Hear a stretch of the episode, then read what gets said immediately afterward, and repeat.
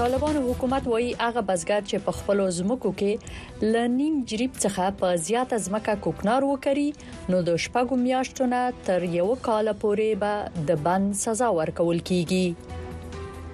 میزان علاقمندی دهقانان در ولایت هرات به کشت آلوویرا که بدیل کشت کوکنار خوانده می شود کاهش یافته است او د طالبانو حکومت د عام روغتیا مسؤلین وایي چې دوی د معتادینو له درملنې وروسته هغه د یو قوي ضمانت په بدل کې له روغتونونو رخصتوي ترڅو بیا نشو ته مخه نکړي سلامونه او ښه چاره د امریکا غږ د یو موضوع او څو زاویې خبرونه ته زه برېښنا عمرخیل تاسو ته خراغلاست وایم د دې ونې د خبرونې موضوع په افغانستان کې د نشي توکو په وړاندې مبارزه ده د دوه په ورستۍ غونډه کې په افغانستان کې د کوکنارو کښت، د نشه يي موادو تولید، قاچاق او استعمال د غونډې له مهمو بحثونو څخه وو. د دې غونډې ګډونوالو په افغانستان کې د کوکنارو د کښت کموالی د پام وړ بللی، خو په دې اړه اندېښنه لري چې له افغانستان څخه بهرنیو هېوادونو ته د تاریاکو قاچاق دوام لري. د طالبانو حکومت وايي، هغه بزګر چې په خپلو ځمکو کې له نیم جریب څخه په زیاته ځمکه کې کوکنار وکري، نو د شپږو میاشتو نه تر یوه کال پورې به د بند سزا ورکول کیږي. دا په داسې حال کې ده چې بزګران له شدیدو اقتصادي ستونزو سر ټکوي او وايي د بدیل معیشت هیڅ ډول پروګرام هم ورته نشته. د طالبانو حکومت د نشه يي توکو د کرکېلې، استعمال او قاچاق له بندیز راوروسته اوس په رسمي توګه د یو لړ سزاګانو اعلان کړی او د دوی د حکومت چارواکي وایي چې په دغو سزاګانو کې راغلي چې له نیم جریب کمې په نیم جریب او له دې په زیاتې ځمکې د تریاکو او چرسو په کرلو به له شپږو میاشتو نیولې تر یو کال پورې د بند سزا ورکول کېږي. له نشه یي توکو سره د مبارزې معینات د دفتر رییس حسیب الله احمدي اشنا تلویزیون سره په خبرو کې وویل چې د نشه يي توکو کروندګر او د چا په ځمکه چې د نشه يي توکو کرکيله کېږي، دواړه په جرم کې شريک دي او سزا به ورکول کېږي. که يو څوک د نيم جريب څخه په کمه ځمکه د ترياکو يا چرسو کښت وکري، شپږ مياشتې بند ورکول کېږي. دوهمه ماده، که يو څوک په نيم جريب ځمکه کې د ترياکو يا چرسو کښت وکري، نهه میاشتې بند ورکول کي. درېیمه ماده، که یو څوک په یوه جریب او یا تر یوه جریب زیاته ځمکه کي د تریاکو یا چرسو کښت وکري، یو کال بند ورکول کي. البته د تریاکو او چرسو د کښت کرونکی که د ځمکې مالک وي، که اجاره دار او که شریک وي، ټول په سزا کي سره برابر دي، کښت یې ماتي او د پورته ترتیب موافق بند ورکول کي.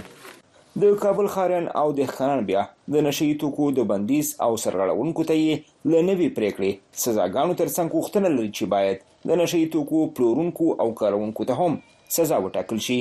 خو دا هم وايي چې بزګرانو سره مرستې نه دي شوي او باید چې دوی ته د کوکنارو او چرسو د نه کرلو په بدل کې د کورنیو د لګښت پوره کولو نورې لارې چارې برابرې شي. وایم چې خلک تریاک کوي چې چرس کوي فرض کن تریاک حکومت بندي کوي سزا ورکوي او تریاک څه ده چې چای ده ته تیاره پیسې دي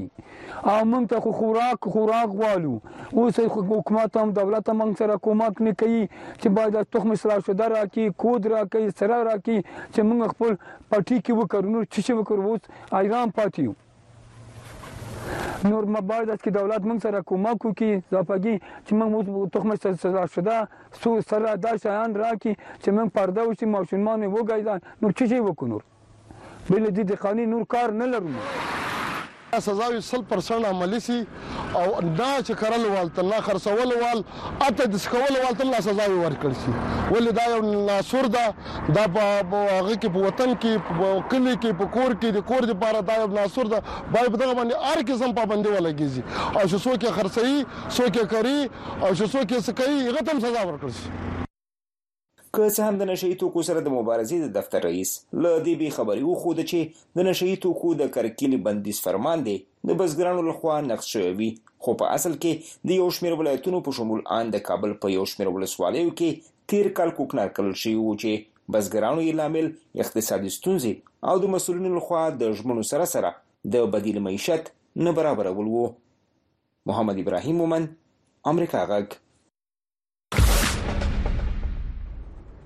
موین مبارزه با مواد مخدر وزارت داخله حکومت طالبان میگوید که در پی عملیات وسیع به منظور تخریب کشتزارهای کوکنار در بیش از دو سال گذشته 15 هزار هکتار زمین از وجود این پدیده پاکسازی شده است اما کارشناسان میگویند که حکومت طالبان باید با پرداخت کمک های بلاعوض دهقانان را به کشت های بدیل کوکنار تشویق کند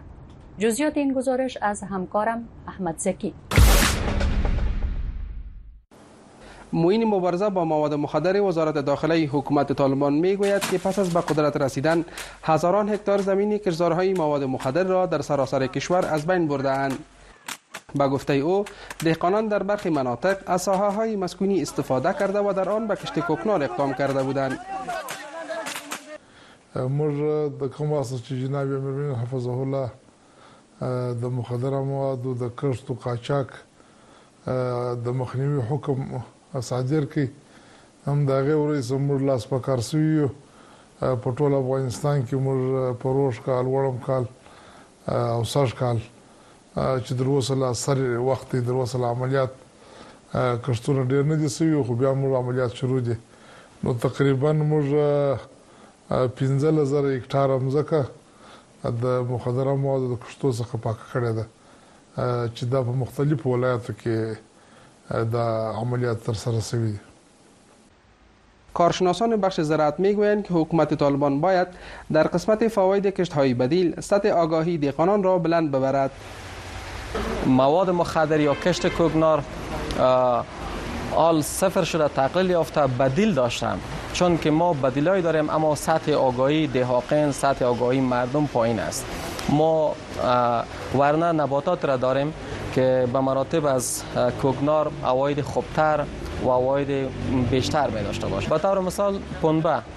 پنبه یک از نباتات بسیار موثر و با کشت بسیار رسا در افغانستان است از سوی هم آگاهان اقتصادی باور دارند که در کنار تخریب کرزارهای کوکنار ایجاد های لازم در بازار برای فروش محصولات زراعتی دهقانان را در راستای کشت بدیل تشویق می کند. با خاطر فروش فرارده هایشان دولت باید از یک سری مشاقه های تجاری مانند مافیات های مالیاتی کاهش تعرفه های گمرکی و پرداخت سبسایدی استفاده کنه تا تجار افغانی در مارکت رقابتی محصولات خود را به قیمت مناسب به فروش برسانند که در خود میتونه یک جایگزین خوب به مواد مخدر باشه و نهایتا به سود اقتصاد کشور بیتانه تمام شود. دهقانان نیز پیوسته از حکومت طالبان خواسته اند که آنان را در قسمت کشت بدیل و فروش محصولات زراعتیشان همکاری کند. د هرات د کرهنې ریاست چارواکي وایي چې د وچکالۍ له امله سږ کال تر دې مهاله پورې د غنمو نوي سلنه للمي ځمکې لا تر اوسه کرل شوي نه دي. بلخوا د غنمو یو شمېر کروندګر هم وايي چې دوی د اوبو د کمښت له امله د خپلې د کرکېلې کچه تر نیمايي هم زیاته راکمه کړې ده. صفي الله احمدزی په دې اړه راپور لري. پرله پسې وچکالیو او د اوبو کمښت عبدالغني اړ کړی چې سږکال په خپلې ځمکې کې د غنمو کر کم کړي. دی وايي، هر ځل یې سل جریبه ځمکې باندې غنم کرل، خو سږکال یې پنځوس جریبه ځمکې کې غنم کرلي دي. ما همه کشت ما به آب بود که بیست و چهار ساعت آب داشتیم همیشه کشت ما صد جریب زمین به زیر کشت بود حالا که آب نیه پنجاه جریب زیر کشته و اما دو چشمه چای سولر اگه بارندگی باشه و آب باشه خدا بده که در دریا آب باشه کش میشه به افغانستان با بارندگی که به همه کس فایده عبدالغني هیله څرګندوي چې د ژمي پاتې ورځو کې ورښتونه زیات شي. ترڅو د ده کرل شوي ځمکې خړوبه کړي. دی زیاتوي چې زیات شمېر کروندګر د وچکالۍ له امله زیانمن شوي، خو د حکومت له خوا کومه مرسته تر اوسه ورسره نه ده شوې. بلخوا د هرات د کرهنې ریاست چارواکي وايي، روان کال کې د ورښتونو کموالي له امله تر اوسه پورې نوي سلنه د للمي غنمو کښت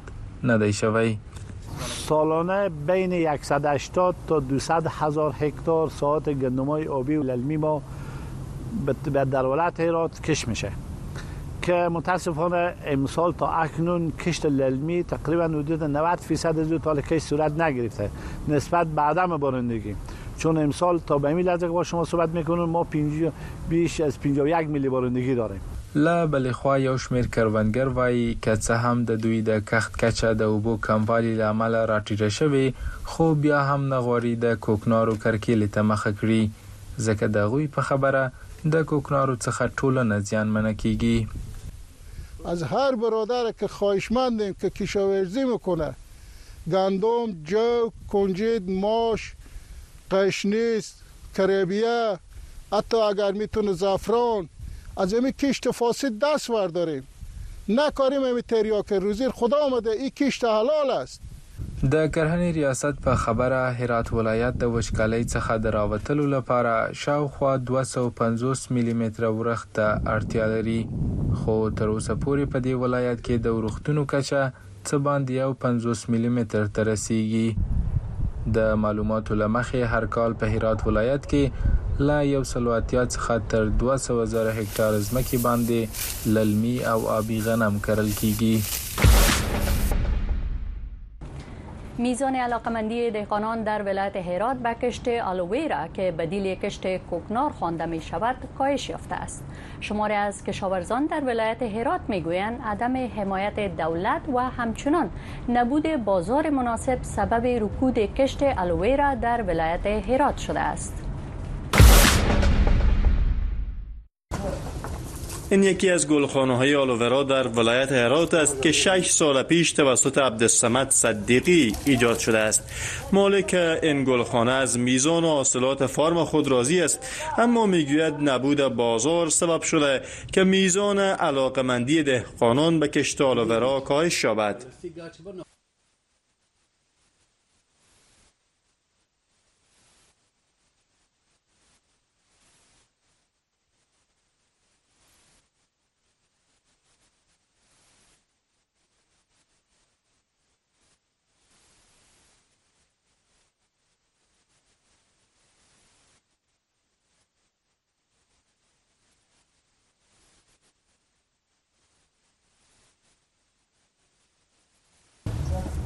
در حال حاضر یک کیلوگرم را در بازار چهل افغانی به فروش می رسد آقای صدیقی میگوید در نخستین سالهای ایجاد گلخانه آنان در هر ماه بیش از پنج تن فروشات داشتند در حالی که اکنون این رقم به یک تن رسیده است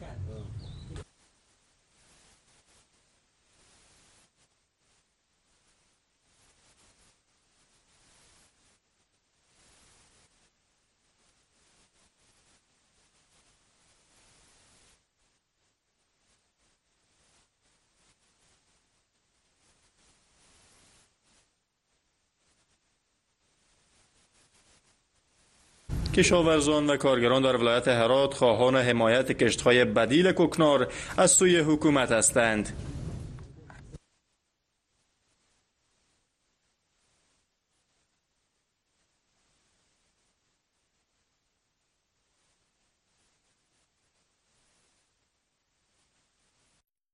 مسئولان اداره زراعت ولایت هرات نیز میپذیرند که میزان علاقمندی برای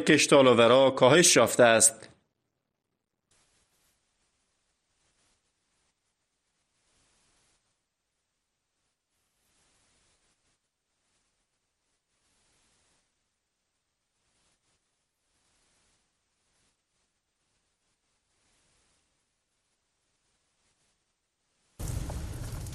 اقلیم هرات برای کشت گیاه آلاورا مناسب خوانده می شود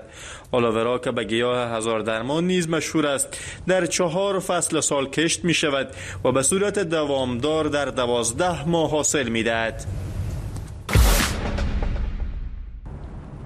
همزمان با فرارسیدن فصل نهالشانی در ولایت هرات برخی کشاورزان در تلاش توسعه صنعت باغداری هستند شماری از کشاورزان و باغداران با غرس انواع نهالهای مسمر میکوشند تا روشهای نوین باغداری را در این ولایت نهادی بسازند فصل نهالشانی و کشاورزان نیز مصروف قرص نهال علی احمد یک تن از کشاورزان در ولایت هرات نزدیک به یک دهه است که در بخش باغداری فعالیت می کند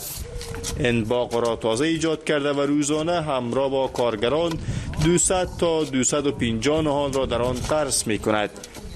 باغداریش را امسال از 20 به 30 جریب زمین توصیه داده است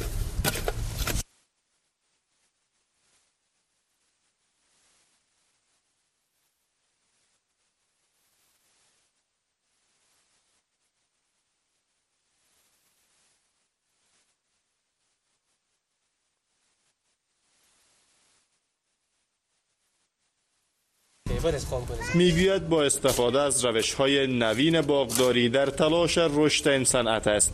به گفته او باغداران با استفاده از روش های سنتی در کار باغداری محصولات خوب را به بازار عرضه نمی توانند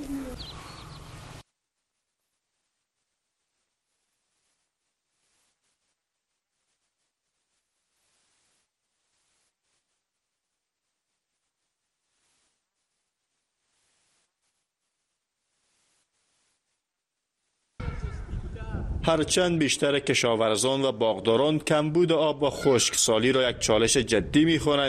اما برخی آنان با گذاری هنگفت روی چاهای آب و استفاده از برق آفتابی تا اندازه باید مشکل کنار آمدند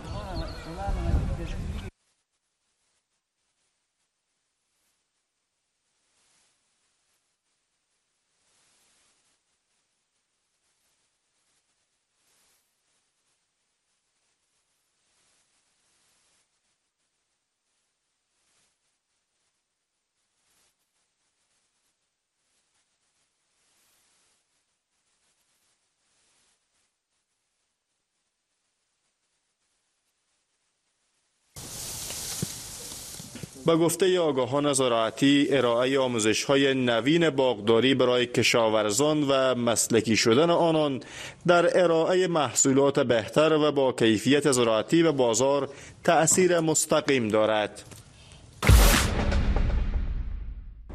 د نشه یي توکو او جرمونو په وړاندې د مبارزې اداره وایي په افغانستان کې څلور میلیونه خلک نشه یي توکي کاروي چې د ټول نفوس نږدې لس سلنه جوړوي د طالبانو حکومت د عامه روغتیا مسولین وایي چې دوی د معتادینو له درملنې وروسته هغه د یو قوي ضمانت په بدل کې له روغتونونو رخصتوي ترڅو بیا نشو ته مخه نکړي دا مسؤلین وايي چې دا ضمانتونه د دوی د کورنیو له غړو، خپلوانو او یا هم د سیمې له مشرانو څخه اخلي. د پنځه غړو دا کمیسیون چې پکې یو ډاکټر، ولایتي مسؤل، د نشهيي توکو د استعمال کموالي ریاست، د درملنې امیر، د روغتیايي کمپ مسؤل او د عملیاتو د کشف مسؤل شامل دی، د دوه اویا هغو معتادینو عریضې ځان سره راوړي دي چې د درملنې وخت یې پوره شوی او هم یې کورنیو او خپلوانو د خلاصون غوښتنه کړې ده. دوی تر ارزونې وروسته یوازې څلوېښت رغول شوو معتادینو ته د رخصتۍ فرمې ورکړې. د نشه یي توکو د استعمال د کموالي ریاست د تداوۍ امیر عبدالسلام همت وایي چې دوی په هفته کې پنځه ورځې رغېدلي معتادین د هر اړخیزې ارزونې وروسته او د وکیل ګذر د یوه قوي ضمانت په بدل کې خوشې کوي. تر څو بیا نشوته ونه ګرځي او که د چا د خوشې کېدو عریضه ونه شي او ضمانت ونه لري، هغه کمپ کې ساتل کېږي. چې کله یو څوک وغواړي، یوه کورنۍ وغواړي خپل روږدی مریض خوشی کړي، کاش مولیت عریضه کېږي. د مونیت نه بیا راست کاش تقاضا ته راجع کیږي کاش تقاضا به جدول ورته جوړوي هغه موږ ته راکوي موږ راوړو دلته کمپو کې هغه نفر را باسو بیا د نفر چې کپ موږ کوو چې څوک ښه شوي وي دغه وخت ته ګورو دغه ظاهر ته ګورو فزیکی حالت دغه چې کوو نو بیا دغه په ترتیب سره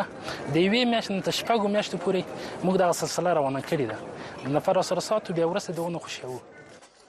د ښاغلي همت په خبره د ضمانت په بدل کې د رغول شوو معتادینو رخصت د ضمانت په بدل کې د رغول شوو معتادینو رخصتول ډېرې ګټې لري ځکه ضمانت کوونکی په خپل او کورنۍ د رغول شوي کس پوره خیال ساتي او نه پرېږدي چې د ده له ضمانت څخه ناوړه استفاده وشي او کس بیا نشو ته مخه کړي همدا ګټه یې دغه ده چې هغه کوم کسان چې ضمانت کوي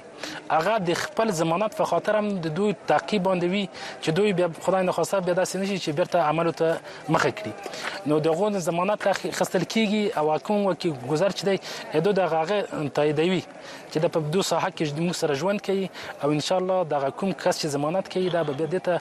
دغه نفر فرینګ دي چې دا څنګه وکړه دا بیرته روغ دی شي له روغتیايي کمپ څخه د ټاکلې شپږ میاشترې او درې میاشترې دورې وروسته د رخصتۍ فورمې اخیستونکی جمشید او سیدا جان ته د اعتیاد پر مهال سختې او بدې ورځې لا هم ور په یادې دي. ان شاء الله زه سل فیصده د خپلې تداوۍ نه خوشحاله یم او د حکومت څخه دا غواړو چې موږ دغه ځینه ووځو، موږ ته یو کار زمینه برابره کړي چې موږ خپل ملت ته او خپل کورنۍ ته یو خدمت وکړو او زه موږ په اول شخصاً زه خپله نور په دې لاره نه ځم وزما هر دوست هر ملګری چې په دې لارۍ زه به هغه ته نصیحت کوم که چیرې په نصیحت ونشي زه خپل لار د هغه نه جدا کوم چې آینده موږ به ته هم په دې لار معتاد نشو به ته د معتاد لار ته لاړ نشو خوانه حالت مډیر خراب د پل لاندې د سړک لاندې چې کې دغه پسې بګرځېدو ناروا کارو پسې کنه کې بل پسې یو شی بل شی مقصد پیسې په طریقه را پیدا کول یا غلا باندې دغه باندې خو خپل نشم پر کولې اوس الحمدلله ډېر ښه سوي د امارت پوه شل ته تداوي لاندې نیولي وو هغه چارج سو دغه هر شی موږ دغه سولو اوس بیخي ډرک روغ یې موږ رسخته یې د شمیرنو په اساس له درملنې وروسته اعتیاد ته د ښه شوو معتادینو رجوع یا بیا ځلي په نشو د اخته کېدو احتمال تر اتیا سلنې پورې دی. افغانستان شاوخوا څلور میلیونه معتاد وګړي لري چې درملنه یې هم د اوږده وخت مبارزې ته اړتیا لري. یک مقام مبارزه با مواد مخدر حکومت طالبان میگوید که آنان حدود یک صد هزار معتاد را در یک سال گذشته در سراسر کشور جمعآوری و تحت درمان قرار دادهاند. جمعوری بیش از 100 هزار معتاد در سراسر کشور در یک سال گذشته از این میان روندی نزدیک به 90 هزار تن تمام شده و به خانواده های خود پیوستند. معین مبارزه با مواد مخدر وزارت داخله می گوید که برای این افراد فرصت های کاری نیز فراهم شده است تقریبا شل زره محتاجین زموږ سره اوس فلحاله موجود دي په ټول افغانستان کې هغه نور چې دي تقریبا اووه نوي زره اووه اتیا زره کسان دا تداوي شوي دي او دا خپل کورو ته تللي دي خو په دې باندې موږ ډېر خوشاله یو چې موږ کوم کسان رخصت کړي دي هغه دومره بیا احتیاط ته مخه نه ده کړې الا ماشاءالله یو نفر نفر نه یادوم که اوس دا لکه په دا کم تعداد معتادین چې موږ رخصت کړي دي بیا موږ هغه نه دي نیولي هغه خلک جوړ شوي دي بس خپل و زندګي ته مخه کړې ده.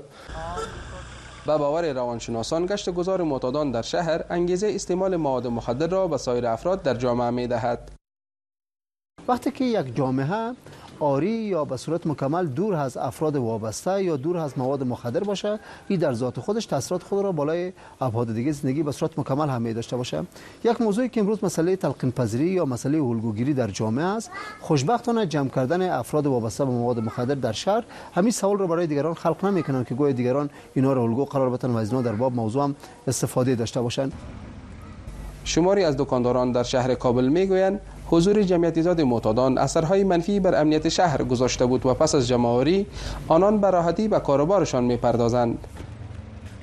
ما خیلی سهولت شده است هم تداوی خودشان میشود و ما خیلی یک بار تنها به ما نه که با جامعه بار دوش جامعه بار دوش یعنی دوکان به ما خیلی یک مزاحم مصیبت بودن شب روز ما بیراس بودیم از به نسبت دوزی گپاشون خیلی خوش از این ما سپاسگزاری میکنیم از امارت اسلامی به ارتباط جمعوری پدریان با این حال حکومت طالبان پیوسته مواد مخدر را یک مشکل جهانی خوانده و خواستار کمک های جامعه جهانی در امر مبارزه با این پدیده و درمان معتادان شده است احمد زکی تلویزیون آشنا صدا امریکا کابل. په هرات کې د طالبانو سیمه ییز چارواکي وایي چې دوی شاوخوا څلور نیم زره بې سرپنا معتادینو ته په یو مرکز کې د درملنې زمينه برابره کړې ده د معتادینو د درملنې دا مرکز په داسې حال کې جوړ شوی چې په نشئی موادو زرګونه روک دی په هرات ولایت کې له درملنې بې برخې پاتې دي دا په هرات ولایت کې د نشه یي موادو روږدو لپاره د درملنې تر ټولو لوی مرکز دی چې په یو وخت کې څه باندې څلور نیم زره بې سرپناه روږدي او روږدي ماشومان پکې ساتل کیږي. موږ دلته رسمي څلور زره بستره کلینیک جوړ کړی دی اوس په الحاله تقریبا تر څلور نیم زره کسانو پورې دلته پښکې تداوي کوو نو د دې لپاره موږ دلته د دوی لپاره د امارت د خوا څخه د دوی لپاره بودیجه منظور شوې ده او دلته موږ دوی ته نانوایي جوړه کړې ده اشپزخانه مو جوړه کړې تاسو ولیدوله په دې مرکز کې یو شمېر اسانتیاوې لکه پخلنځای او کلینیک هم په نظر کې نیول شوې دي تر درملنې لاندې یو شمېر روږدي له دې امله چې دوی ته د درملنې زمينه برابره شوې خوشحالي څرګندوي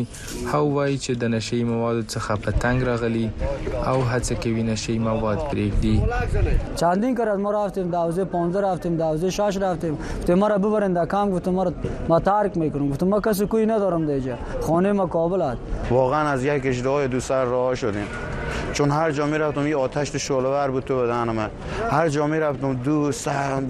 مرد نامرد دو فامیل پدر مادر همه سرکوب هیچ کی مر نمیخواد حتی خدا مر نمیخواست دا په داسې حال کې ده چې لا هم زرګونه معتادین په هرات ولایت کې د درملنې مرکزونو ته لاسرسی نه لري او په ناوړه وضعیت کې ژوند کوي صفی الله احمدزی امریکا غږ مسئولان شفاخانه بستر درمان معتادان در ولایت بامیان میگویند که به دلیل کمبود امکانات در یک سال گذشته تنها موفق به درمان 160 معتاد در این مرکز شدند. با وجود هزاران معتاد در ولایت بامیان اما تنها یک شفاخانه 20 بستر ترک اعتیاد در مرکز این ولایت فعال است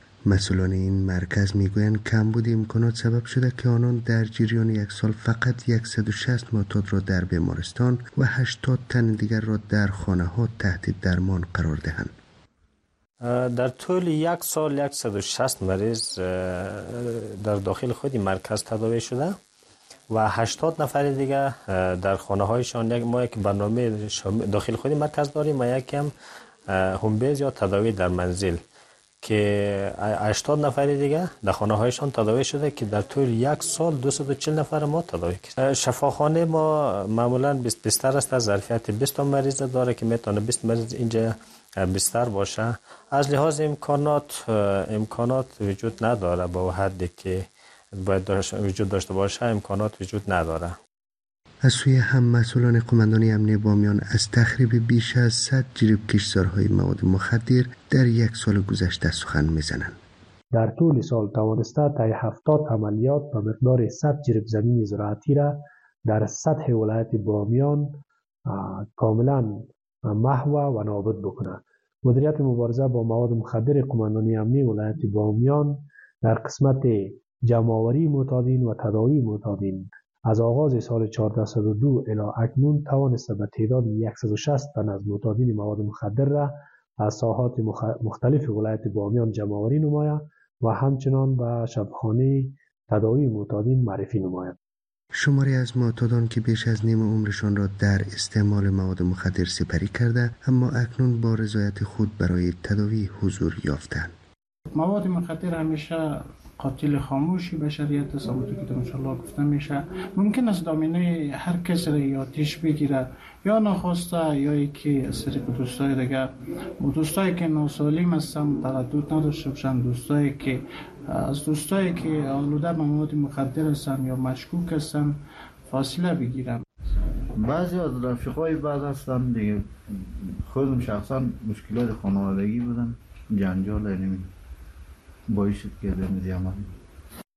هرچند آمار تازه ماتودان از سوی نهادهای مسئول در ولایت بامیان ارائه نشده اما آمارهای سابق نشان میدهد که بیش از 60 هزار تن در این ولایت مواد مخدر استعمال میکنند لطیف یعقوبی تلویزیون آشنا صدای آمریکا بامیان قدرمنو لیدونکو تاسو د ملتیا نه ډیره زیاته مننه دا خبرونه هم عمدلته پای ته رسیدي تاسو دا او زموږ نورې بیلابل خبرونه په ساتلایت او د امریکا غږ په ټولنیزو رسنیو کې هم لیدلای شئ شپه او ورځ مو په خیر تربیه مو څښتن مل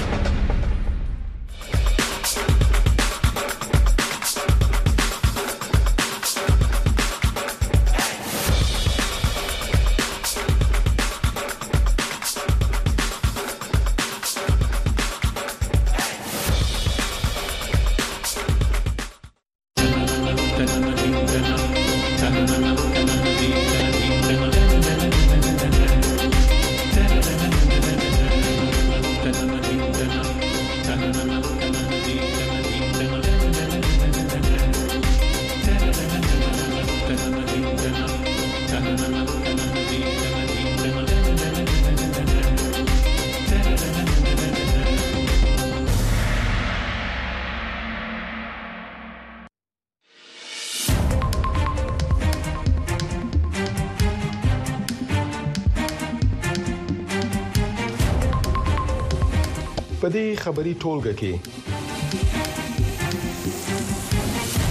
د طالبانو نه د روسیې تمه مسکو له طالبانو غوښتي چې په خپل ژمنو د عمل وکړي او ټول شموله حکومت د جوړ کړي بلخوا د بشري حقوقو د څار یوې ادارې ویلي چې په افغانستان کې بشري وضعیت د اندېښنې وړ دی د پاکستان سیاسي کشالې شنونکي وایي چې په فدرالي حکومت کې د پښتنو ملتپالو ډلو نشتون به په خیبر پښتونخوا او بلوچستان کې ستونزې وزېږوي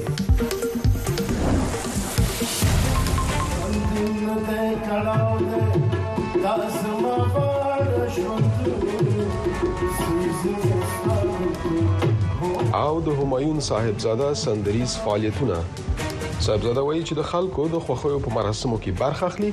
او په بهر کې د افغانستان د موسیقۍ د ودې لپاره هڅه کوي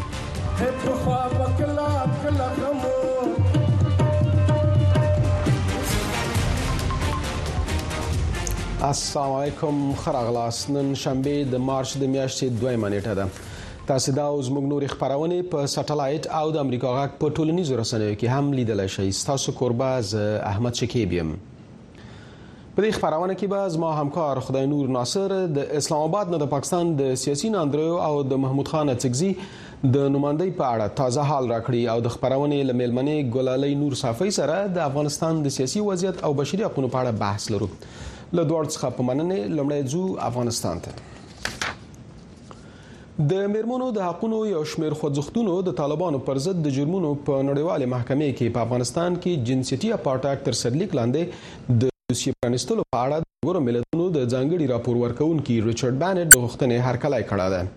په ژنیو کې د ملګرو ملتونو د بشري حقوقو د شورا په 55مه غونډه کې د روسیې د فدراسیون پلاوی له طالبانو غوښتي چې په خپل ژمنو عمل وکړي او ټول شموله حکومت دې جوړ کړي د ملګرو ملتونو د بشري حقوندو شورا په 55 مه غونډه کې د روسیې د فدراسیون پلاوي پر طالبانو غږ کړی چې خپل ژمنې پوره کړي او په افغانستان کې ټولګډونو حکومت جوړ کړي د روسیې دغه پلاوی ویلي چې مسکو په افغانستان کې د ثبات او امنیت د پیاوړي کېدو لپاره د لومړیتوب په توګه هڅې کوي. ماسکو د طالبانو سره په اړیکه کې دی او د هغوی څخه غواړي چې د یوې ټول شموله عامه ادارې د جوړیدو په تړاو پر خپلو مخکنیو ژمنو عمل وکړي. افغانستان کې یوازې تلپاتې سوله به په ټوله سیمه کې مطلوبې پرمختیا ته شرایط برابر کړي. په ورته وخت کې د افغانستان د مقتدرو ښځو او شنبهاي ارغوني خوځښتونو د اعلامیو په خپرولو د طالبانو پر ضد د جرمونو په نړیوالې محکمه کې په افغانستان کې جنسیتي اپارتاید تر سرلیک لاندې د دوسیې د پرانیستلو په اړه د ملګرو ملتونو د ځنګړي راپور ورکونکي ریچارډ بنټ د غوښتنې هرکلی کړی دی ما امیدوار هستیم که طالبان بابت جنایات ضد بشریشان و سرکوب بیرحمانه زنان و دختران افغانستان و آپارتاید جنسیتی بیرحمانه در قرن 21 علیه زنان و دختران افغانستان باید به میز محاکمه کشانیده شوند و از جامعه جهانی انتظار داریم که فضا را مساعد بسازد تا به لحاظ حقوقی شاید به محاکمه کشانیدن کسان باشیم که در افغانستان جنایت ضد بشری و آپارتاید جنسیتی را علیه زنان و دختران افغانستان در بیشتر از دو سال گذشته ترشا روا داشتند ریچارډ بنټ په افغانستان کې د بشري حقونو د روان وضعیت په اړه د ملګرو ملتونو د بشري حقونو د شورا غونډه کې د خپل راپور په وړاندې کولو سره ویل چې د طالبانو پر ضد باید د جرمونو په نړیواله محکمه کې دوسیه جوړه شي خزي او نجونې د عامه ژوند څخه لري شوي سولیز مخالفت نه زغمل کیږي تاوتریخوالی او د تاوتریخوالي ګواښ د خلکو د کنټرول او د وېرې د خپرولو لپاره د معافیت د فرهنګ سره کارول کېږي. هلته د طالبانو له خوا په عام محضر کې اعدامونه، جسمي او فزیکي سزاګانې ترسره کېږي او د رژیم د مخالفانو په خپل سر، یعنې قانون له دایرې څخه بهر، د وژنو، بې درکه کېدو او شکنجې په اړه د اعتبار وړ رپوټونه شته دي. د طالبانو د حکومت ویاند ذبیح الله مجاهد د ښاغلي بنټ د رپورټ په غبرګون کې ویلي چې دا رپورټ د دوی په وړاندې پروپاګند دی او اوس په افغانستان کې د ټولو خلکو حقونه خوندي دي. بلخوا د رواداري په نوم د بشري حقوقو د څارنې یوې بهرمیشتې افغانې ادارې په تیر 2023 کال کې په افغانستان کې د بشري وضعیت په اړه په یو راپور کې ویلي چې په دغه هیواد کې بشري وضعیت لا پسې خراب شوی دی. د رواداري د موندنو پر بنسټ د دوه زره درویشتم کال په ترڅ کې په ټول افغانستان کې لږ تر لږه اووه سوه او دوه اویا تنه د بشري حقونو د سرغړونو په بېلابېلو پېښو کې وژل شوي او ټپیان دي چې له دې ډلې څخه پنځه سوه شپږ تنه وژل شوي او دوه سوه شپږ شپېته تنه ټپیان دي. وحید فیضي د امریکا غږ. په دفتر کې مو په امتحاني ډول الارم فعال شوی دی او موږ لدې کبله له ټولو لیدونکو څخه بخښنه غواړم خبرونو ته دوام ورکوم د افغانستان د حالاتو په اړه د ولس شرګې د پخوانی غړي ګلالۍ نور صافي سره خبرې کوم چې په سکایپ پروګرام سره ملګری شوې ده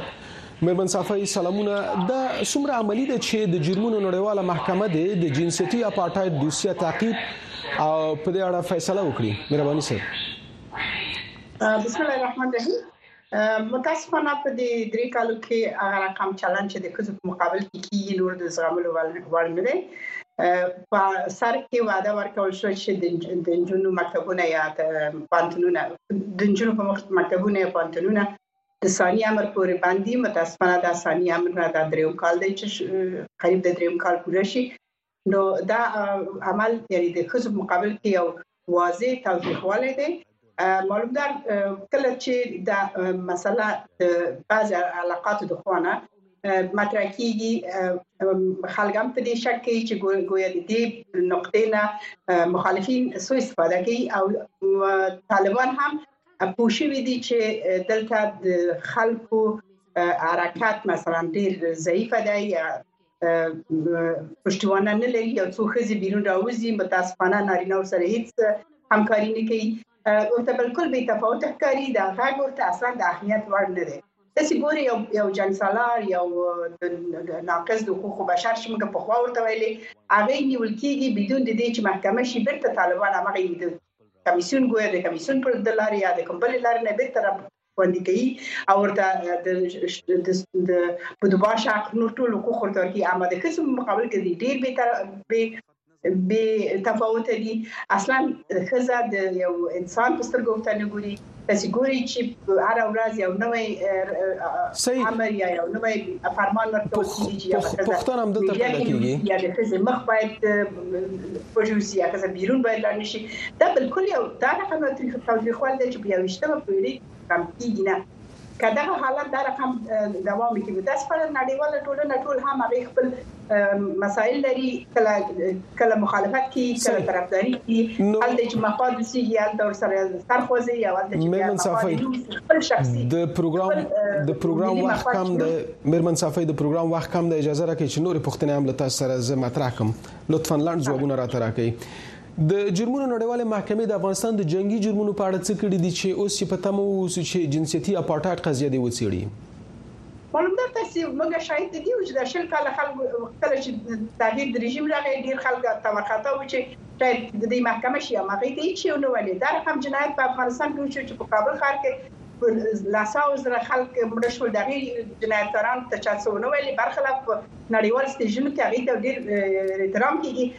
وخت چې هغه رقم کارونه خلکو په مقابل کې وشول ووژل شول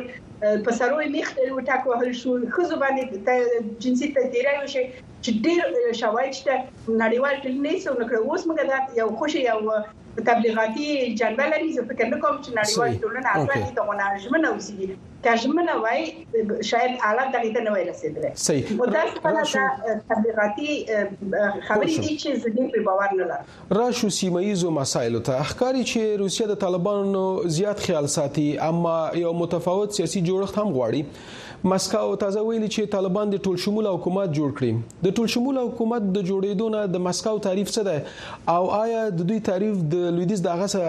فرق لري یا توپیر لري؟ د ټولشموله حکومت تر اوسه پورې هیچا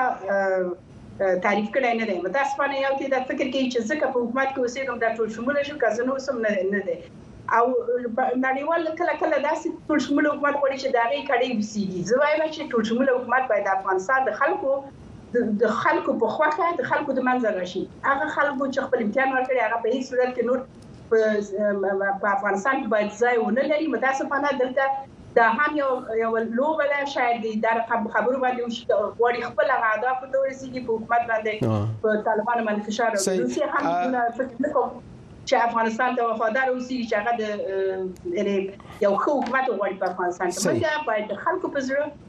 د افغانستان د ملت په خوخه باندې یو ټول دلته پښتنه پیدا کیږي شامل سي خصوصا کزه دلته پښتنه پیدا کیږي چې د نړۍ بیل بیل هیوادونه بیل بیل غوښتنې لري په دې مینس کې ولوی پښتنه چې پیدا کیږي هغه دا چې آیا طالبان روسانو ته نږدې دي که امریکایانو ته یا نه بیجینګ نږدې ملګری ده زه فکر کوم چې تر اوسه پورې ټول شیان مجهول دي سړی نه پیږي کله چې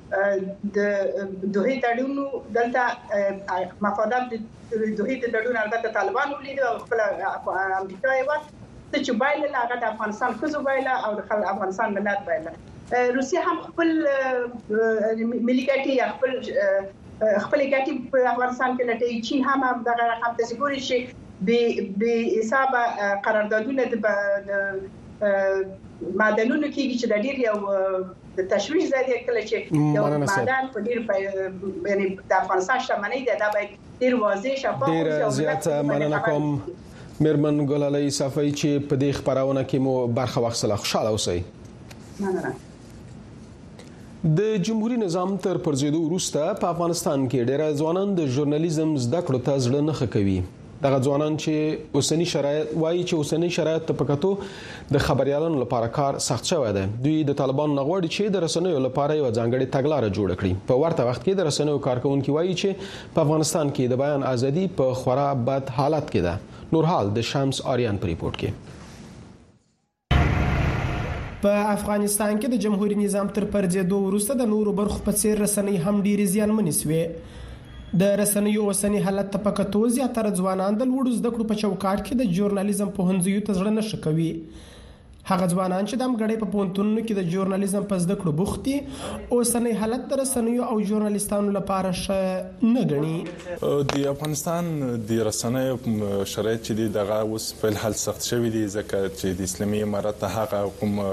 خپل حقونه چې دي چې رسنۍ لري هغه نه دي ورکړلي هغه باید خپل حق رسنۍ ته ورکړي او بل رسنۍ هغه رسنۍ چې مطلب په هغه ډیر مصرفونه کیږي دولت د دوی سره د دې په مالی لګښت هم مرسته نشي کولای نو د دې د وجې رسنۍ چې دي هغه اړ کېږي چې خپلې تلویزیوني شبکې یا راډیويي شبکې بندې کړي. له حکومته هم دا غوښتنه ده چې ژورنالستانو ته یو ځانګړی قانون برابر کړي چې د هغې په تګلارنې کار وکړي. خو بل لور ته طالب چارواکي په داسې حال کې رسنیو ته د اسانتیاوو خبره کوي چې تر یوه کال زیات اوسول چې معلوماتو ته د لاسرسي قانون یې هم ځنډولی دی. د شنونکو په خبره په افغانستان کې د رسنیو لپاره د یو ځانګړي او واضح تګلارې اړتیا ډیره لیدل کیږي د قوت مسولیت دا ده چې رسنۍ سپورټ کې ویغږي همکاري ورسره وکړي ستونزې حل کړي که څوک ورته ستونزه جوړي دغه د حل لپاره کار وکړي یو بل شرط اساسي چې حکومت باید رسنیو ته یوه ځانګړې ملي اسلامي افغاني پالیسي جوړه کړي. د رسنیو د برخې فعالان په افغانستان کې د بیان ازادي او معلوماتو ته د لاسرسي حال خورا ناوړه یادوي. د دوی په خبره چې دې چارې تر ډېره د ځوانانو زړه مات کړی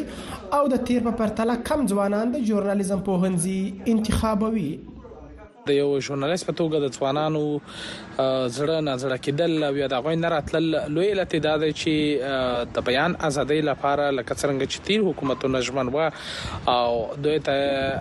هغه حقایق چې دوی باید خپاره کولای او یا یې معلومات ته لاسرسی درلود او یا هم دوی بشپړه ازادي درلودل، اوس هغه ازادي نشته، یو څه ستونزې شته او په دې برخه کې دغه ستونزې لیدل کېږي، نو ځکه ځوانان ژورنالیزم لپاره زړه نه ښه کوي. د خبریالانو د ملاتړ ادارې د وروستي راپور پر بنسټ واک ته د طالبانو تر رسېدو مخکې په افغانستان کې تر شپږ سوه پورې بېلابېلو رسنیو فعالیت درلود چې په دې سکتور کې نږدې یوولس زره کسانو چې اته زره دوه سوه نوي نارینه او دوه زره څلور سوه نوي ښځینه وو دندې لرلې د شنونکو په خبره چې د طالبانو له لوري پر رسنیو د وضعیت د سختېدو په سبب زیاتره خبریالان اوس بې دندې دي چې دې چارې د رسنیو ډګر ته د نوي خبریالانو پر راتګ منفي سیوری غوړولی شمساریان امریکا ژغ په نړیوالو خبرونو کې د امریکا ولسمشر جو بایدن د جمعې په ورځ ویلي تمه لري چې د روژې په میاشت کې د اسرایل او حماس ترمنځ اوربند وشي ولسمشر بایدن په سپینې ماڼۍ کې خبريالانو ته ویلي چې د اوربند لپاره سخت کار کوي خو د موخې ته تر اوسه نه دی رسیدلی تر دې مخ تر دې مخکې بایډن اعلان کړی و چې غواړي د فضا له لارې په غزه کې خلکو ته مرستې ورسوي. اردن، فرانسې او ځینو نورو هیوادونو وار د مخه د مرستو لړۍ پیل کړې ده. د کرملن د سیاسي مخالف الکسی ناوالني جنازه د جمعې په ورځ په مسکو کې خاور ته وسپارل شو په دې مراسمو کې لزګونو کسانو برخه اخیستلې و برخوالو ویلي چې ناوالني د روسیې د اوسنی سیاسي وضع په اړه خلکو ته په هوا ورکاو الکسی ناوالني څو نه مخکې د روسیې په یو زندان کې په مرموز ډول مړ شو د امریکا حکومت د ناوالني په مړینه سخته خواشینی خوده او د روسیې ولسمشر ولادمیر پوتین یې په دې قضیه کې ښکیل بلنه ده د امریکا د پخوانی ولسمشر لور او سلاکاره ایوانکا ترامپ د جمعې په ورځ د هندي میلیارډر موکیش امبانی د زوی انند امبانی د خوخی په مراسمو کې برخه اخیسته ده په دې مراسمو کې مشهور چیرو د بالیووډ ستورو سوداګرو او ورزشي لوبغاړو ته د ګډون بلنه ورکړل شوې ده د افغانستان راشد خان په دې مراسمو کې د میلمه په صفت بلل شوی دغه مراسم د هند په ګجرات کې د 1200 میلمنو په حضور کې ترسره شوې دي ګرځو پاکستان ته د لومړي ځل لپاره یو پښتون ملتپال سیاستوال محمود خان اڅکزي د پاکستان د جمهوریت ریاست مقام ته ځان نوموله ده د عمران خان ګوندي ملګرو هم د اڅکزي د نوماندۍ نه ملاتړ کړی په دې اړه په اسلام آباد کې د خپل همکار خدای نور ناصر سره خبرې کوم چې په سکایپ پروګرام سره عملګری شوی د ناصر صاحب اڅکزي خو په پارلمان کې یو څوکۍ لري د په کوم ډاټ مخکې شوی او چې غواړي مشر شي مننه شکیب جان دا ډیره دلچسپه پوښتنه ده ځکه چې کوم چا چې دا وخت کوم سیاسي ګوند چې شغله تکزای ملاتړ کړی دی د پاکستان تحریک انصاف ګوند که څه هم دا وخت یې نوم په پارلمان کې نشته خو ډیر زیات څوکۍ د دوی ګوند ګټلې دي او اوس په سنی اتحاد کونسل یو بل ګوند دی د هغه تر چتر لاندې دوی په پارلمان کې دي نو هغوی د دوی ملاتړ کړی دی او هغه داسې دی چې شغله اڅکزای چې د 2000 کې موږ وایو 2002 3 4 کې چې کله د پخوانی پوځي امر جنرال پرویز مشرف پر ضد باندې پاکستانی سیاستوالو یو ګډه اتحادیه جوړ کړې و په هغه کې عمران خان او شاغلی تکسای سره یو خواو بیا چې کله شاغلی خان واک ته راځي یا تر واک وړاندې هم د شاغلی اڅکزي د ګوند په خبره هغه د استخباراتو سره یا هم د پاکستان لغیر جمهوریت قوتونو سره نږدې کیږي نو د شاغلی اڅکزي او د شاغلی خان ترمنځ لريواله راځي او دا سي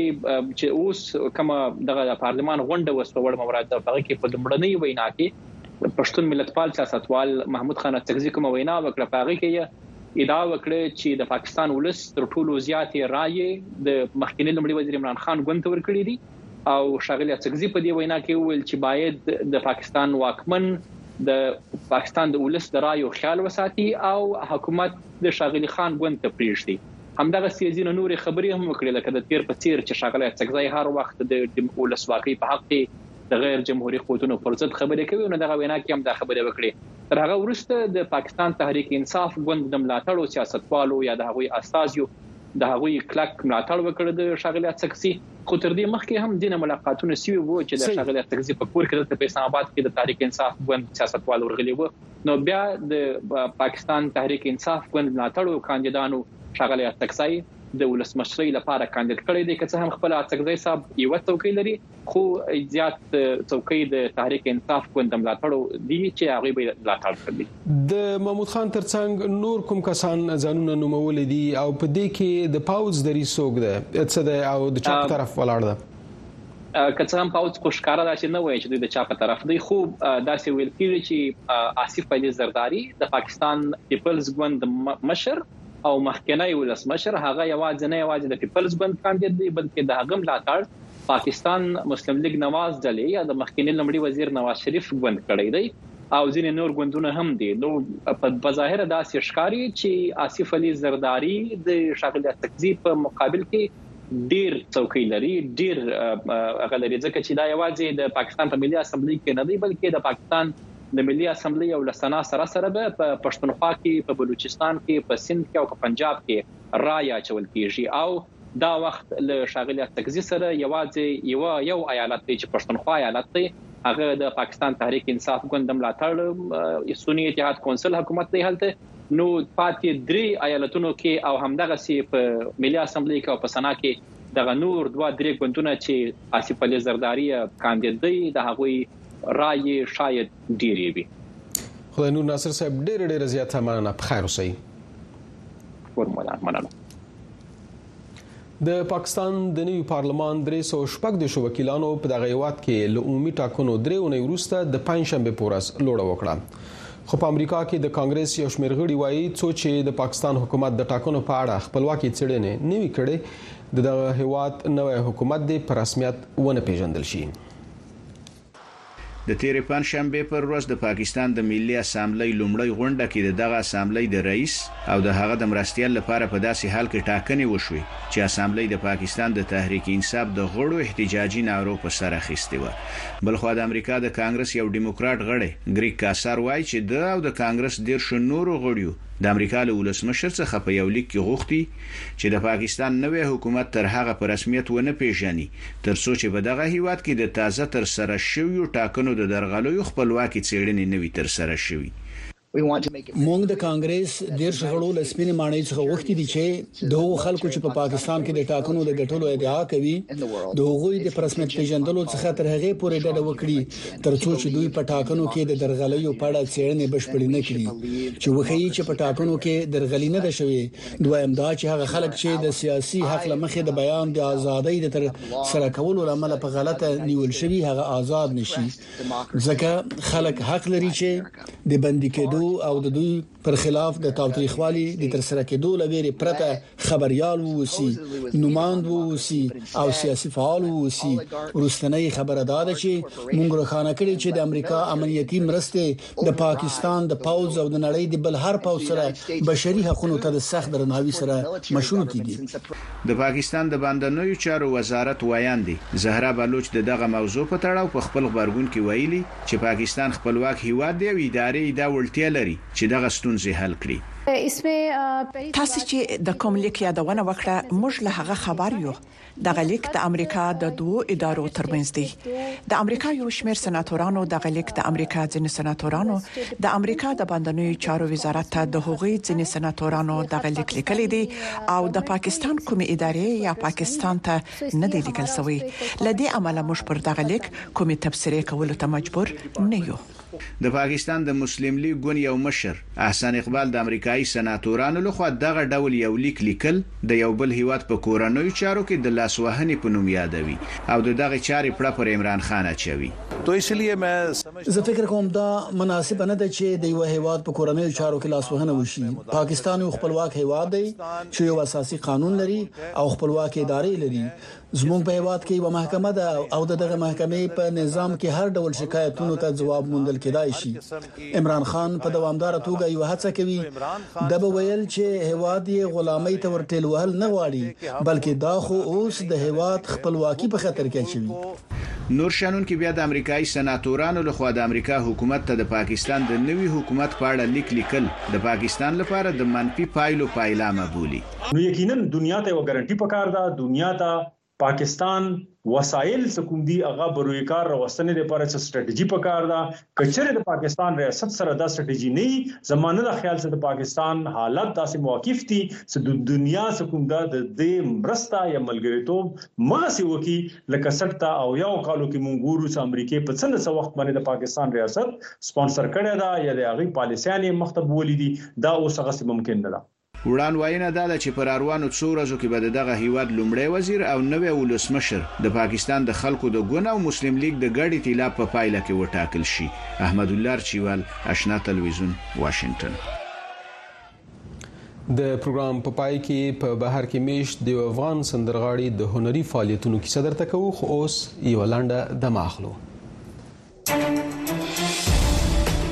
متضاد اړخونه بیلابیل دریزونه د سپیناوي تود مخامخ بحث او په اخر کې قضاوت ستاسو پر مهمو سیاسي، امنیتي، اقتصادي او ټولنیزو مسایلو د افغانستان سیمه او نړۍ باندې د جوړ چیډنیز بحث مهمه اونیزه خبرونه هایل د هرې جمعې په ورځ د افغانستان په وخت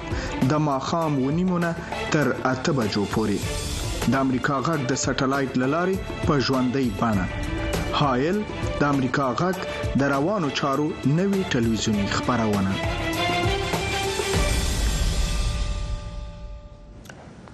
همایون صاحبزاده ښايي په بریټانیا کې د ګوتو په شمار یو له هغو سندرغاړو وي چې په لندن او نورو ښارونو کې اکثره د افغانانو د خوښیو په محفلونو کې وربلل کیږي نوموړی په بګرام ولسوالۍ کې زیږیدلی او دا مهال په بریټانیا کې اوسیږي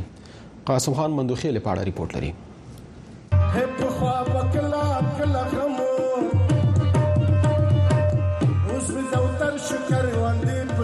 پښتنو ولسي سندرو د پیړیو تیریدو وروسته هم د خپل سندرغاړو په مټ خپل جوش او مستی تاند ساتلی شاید د موسیقۍ هیڅ داسې بانډار او مشامې بنوي چې ولسي سندري به پکې نظم زمکیږي همایون صاحبزاده هم د دې ډګر یو تکړه هنرمند دی چې له وړکتوبه یې د ژوند لویه برخه د موسیقۍ مسلک ته سپارلې ده. یوه ورځ مې صنف کې به سندرې ویلې، زه په صنف کې معروف وم، ډېر کله په مېز به مې طبله هم غږوله، خپلې به مې سندرې ویلې، نو بالاخره د موږ د مکتبو کمپټیشن شو، هلته هغې وخت کې یو تلویزیون و، ملي تلویزیون. نو چې کله ملي تلویزیون ته د سندره مې نشر شوه، ټولو وپېژندل ما ته، خپل خپلوان ما سره دوی خبر شول چې سندرې وایم. نو بعد هغې نه چې هر چېرې به واده و، ما سره مقری صاحب دې خدای وبښي، دغسې قاسم باغ شاه، ما سره داسې ډېر نور استادان، دوی به چې سندرې ویلې زه به یې سټېج ته راکشولم چې راشئ وه سندره دوه سندرې ته هم وایه.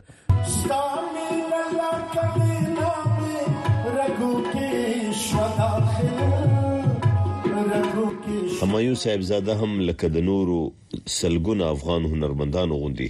خپل هیواد پرېښی او د کډوالۍ په ژوند کې نه یوازې د موسیقۍ هنر زده کړی بلکې همدای د نورو کارونو ترڅنګ د ګټې وټې یو مهمه سرچینه ده څلور نه 15 کال د د وختو کې سویډن ته راغلو ماجر شو په حساب نو سویډن ته راغلو نو امکانات دا و چې مونږ نه ارمنیا درلوده نه باجا درلوده حتی په کور کې ما په افغانستان کې مې باجا نه درلوده لا ارمنیا مې نه درلوده موسیقي آلات نه درلوده نو بل اخر دا شو چې یمن دوستانو هغه مونږ سره کومک کړی انت تلل ارمنیا راوړل او تبلیغ راوړي او جوړ د ورورو هغه خره او مثلا د دلتنګ او د اسکندنویا چې ده د دې ته وعده راکړي چې موږ شو کولای خپل خلک ته موسیقي وړاندې کوو همایو صاحب زاده هم لکه د نورو سلګونو افغان هنرمندانو غوندي خپل هیواد پرې شي او د کډوالۍ په ژوند کې نه یوازې د موسیقۍ هنر زده کړی، بلکې همدا یې د نورو کارونو تر څنګ د ګټې وټې یوه مهمه سرچینه ده. چې سړی ډېر کولای شي چې په کې مطرح وي د افغاني موسیقي ځینې ګانه هغه ودونه دي چې مثلا ډېر هنرمند کولای شي د هغې طریق نه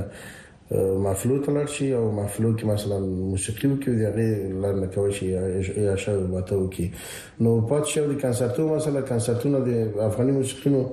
ډیر هات نه دي ډیر هغه زیات نه ده مثلا علاقه مندان شته خو ډیر کم کم کیږي په افغانستان کې د طالبانو حکومت په دغه هیواد کې پر موسیقۍ او سندرغاړو بندیزونه لګولي د دوی دې اقدام پر افغان سندرغاړو منفي اغیزې کړې دي. موږ ګورو د افغانستان دغه فعلي وضعیت چې په نجونو په مکتبو باندې بندیز شوی، موسیقي باندې بندیز شوی، دا طبعا روحا په موږ هم داسې تاثیرات لري، منفي تاثیرات، خو بیا وروسته بیا دا ده چې